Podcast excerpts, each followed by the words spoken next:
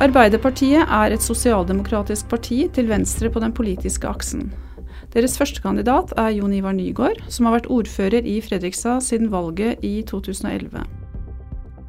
Ved forrige valg fikk Arbeiderpartiet 48,3% av stemmene og 26 seter i bystyret.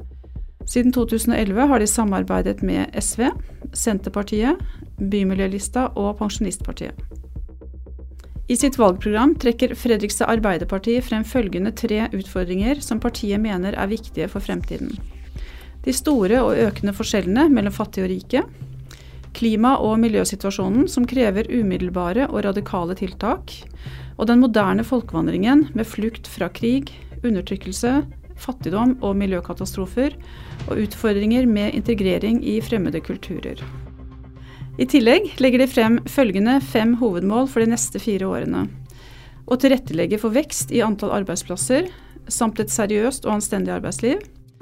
Et fremtidsrettet og klimavennlig Fredrikstad. Bygge sterke lag rundt det enkelte barn. En eldreomsorg hvor de eldre er sjef i eget liv. Og rause og inkluderende lokalsamfunn.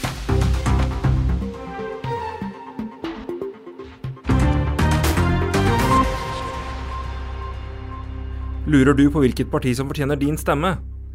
Med Fredrikstad Blads lokale velgerhjelp kan du finne ut hvilket parti du er mest enig med.